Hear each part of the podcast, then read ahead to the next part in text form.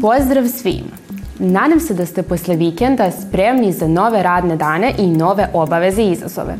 Udobno se smestite jer ćete tokom narednih 10 minuta saznati najnovije vesti i informacije koje vas mogu zanimati. Počinje Dečiji TV dnevnik. Na koji način deca u vrtiću pomažu drugima? Šta se desi kad se spoje šape i umetnost? Nepotrebne informacije pripremio je Strahinja Radosavkić. Ove nedelje za vremensku prognozu zadužena Elena Prica. Deca iz Novosadskog vrtića se krajem svakog meseca udruže kako bi pomogli drugima. Sigurno se pitate na koje sve načine oni to rade, tako da ćemo odmah preći na stvar. Sledi priča o humanosti.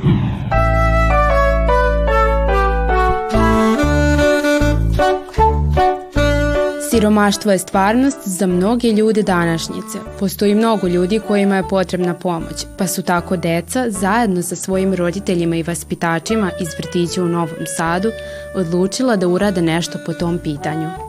Pa za decu je jako važno da se uključe u ovakve akcije. E, prvo osjećaju se E, važnim, da rade nešto dobro, da rade nešto humano. E, važno je isto tako da bi shvatili da postoje i druga deca koja nemaju baš toliko, kao možda oni, ovaj, i, i da shvate da ima, nažalost, gladne dece i da time pomažu da neko ne bude gladan. To je pod jedan, a pod dva, vremenom će oni možda isteći tu naviku da poklanjaju, da budu humani, pa će i oni posle prenositi na svoju decu i tako se ta naša dela šire. Tu smo hranu unosili u kola u gepeku od kola. E, ljudi koji nemaju para ni hranu, pa e, hoćemo da donesimo njima hranu. Zato što hoćemo drugima da bude bolje. Mi nosili u vrtić, skupljali, dalje nosili u auto. Auto je Ne znam gde je išao. Makarone,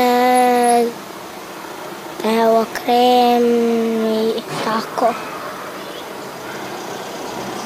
Šećeri. Hrana je bila e, u hodniku i mi smo je odnosili u auto, u gepek i onda je auto odvezao tu hranu. U ovom vrtiću ovo je već peta godina po redu u kojoj se sprovodi ova akcija. Kako se u oktobru obeležava Svetski dan hrane i Svetski dan siromaštva. Oni ovaj mesec svake godine završe upravo ovako, humanitarnom akcijom. Na taj način e, naša deca uče da dele, e, naša deca uče da je jako lepo pomoći. Oni su zaista mali i to doživljavaju na svoj specifičan način, jer svake godine zaista samo prečkolska grupa je ta koja učestvuje u podeli i to je za njih uvek prvi put. I to je e, za nas jako veliko jer oni tog dana shvataju da su veliki ljudi, tog trenutka kada oni pomognu, to je u stvari rezultat ove našeg rada. Tako da e, cilj je postignut e, onako onog dana kada deca u kola, videli ste na koji način to rade, kada oni spremaju i iznose namirnice, znači za ljude koji će dalje ići u ovaj upotrebu, tako da eto, mislim da smo uradili pravu stvar od malih ljudi napravili velike ovog dana. Bitno je da od malih nogu naučimo sve o svetu u kojem živimo. Saznajući te stvari možemo da uvidimo mnoge probleme i uradimo sve što možemo kako bi pomogli drugima. Ne zaboravite, vaše malo nekom mnogo znači. Jedan muzej u Novom Meksiku je pronašao način kako se mogu spojiti kućni ljubimci i umetnička dela. Otvorili su izložbu koju svi zainteresovani mogu posetiti zajedno sa svojim krznanim drugarima – Ovo je sigurno lepa vest za sve one koji svoje kućne ljubimce vode svuda sa sobom. Veza koju psi imaju sa svojim vlasnicima je oduvek bila nešto što inspiriše mnoge umetnike širom sveta, a ovaj muzej je samo još jedan primer takve povezanosti. Eh, la exposición que tenemos ahora en el museo. Izložba koju imamo u muzeju je napravljena sa idejom interakcije između vlasnika, njihovih ljubimaca i umetničkih dela. Izabrali smo neka najbolja dela iz naše kolekcije i želimo da eksperimentišemo sa onim što imamo da im ponudimo. Ova izložba je obradovala mnoge vlasnike kućnih ljubimaca koji dane obožavaju da provode sa svojim mezimcima. Jedna od njih je i Mila Kohen, učenica šestog razreda koja je izložbu posetila sa svojim psom Sakurom. Stvarno mi se dopada ova ideja zahvaljujući kojoj psi mogu da posete muzej. Stvarno volim da idem sa mojim psom svuda. Ako on ne može da uđe negde i ja biram da ne idem.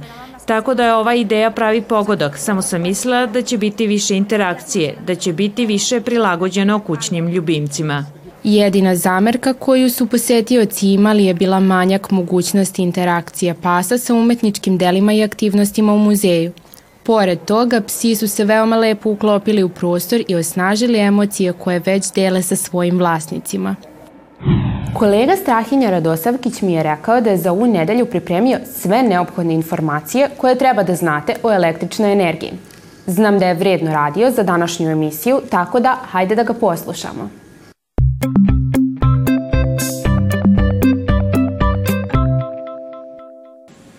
Pozdrav! Danas u novoj epizodi nepotrebnih informacija pričamo o električnoj energiji.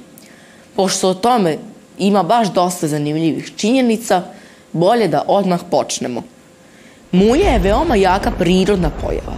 O tome govori sama činjenica da bi ona svojim snagom mogla da snabdeva hiljadu kuća, čitavi godinu dana. Problem je samo što još uvek niko nije uspeo da skupi tu električnu energiju iz munje. Faraoni su koristili električnu energiju. Egipćani su znali za struju i zamislite, koristili su je kako bi lečili glavobolje. Što se mene tiče, neka hvala, ipak ću se držati starog dobrog leka za glavobolju. Prilegneš i odmoriš. Ptice mogu da stoje na žicama kroz koje prolazi struja. Da li ste se nekad zapitali zašto je to tako kada posmatrate sve te ptice na ulici? To je zato što dodiruju samo jednu žicu, a ne dve u isto vreme. Svakako, ovo je veoma opasno. Ajkule imaju male receptore širom svog tijela koje reaguju na električne vibracije. Na taj način mogu da osete svoj plen tako da ne moraju da ga vide da bi ga ulovile. Električna energija putuje brzinom svetlosti, više od 186.000 milja u sekundi. Električna energija postoji u našem telu i ona pomaže srcu da kuca.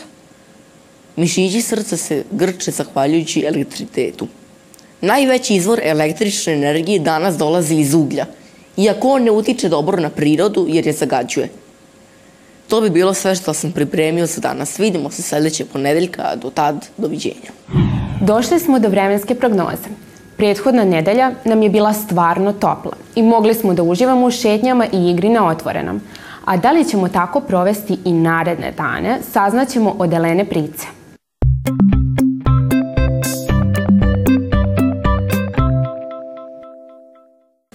Pozdrav svima! Iz mojih pouzdanih izvora, a jedan od njih su mnoge ptice na granama, sam saznala da sutra kiše neće biti. Možemo očekivati oblačno vreme, to svakako, ali bar će biti suvo. Temperatura neće prelaziti 15 stepeni, tako da se toplo bucite. Možete očekivati malo vetra, tako da neka kapa u jutarnjim satima nije loš izbor.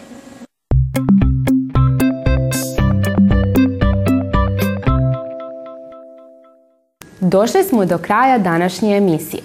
Pred nama je čitava nedelja puna sjajnih priča, tema i informacija. Zato nas gledajte svakog radnog dana u 18.55 časova na prvom programu RTV-a. Doviđenja!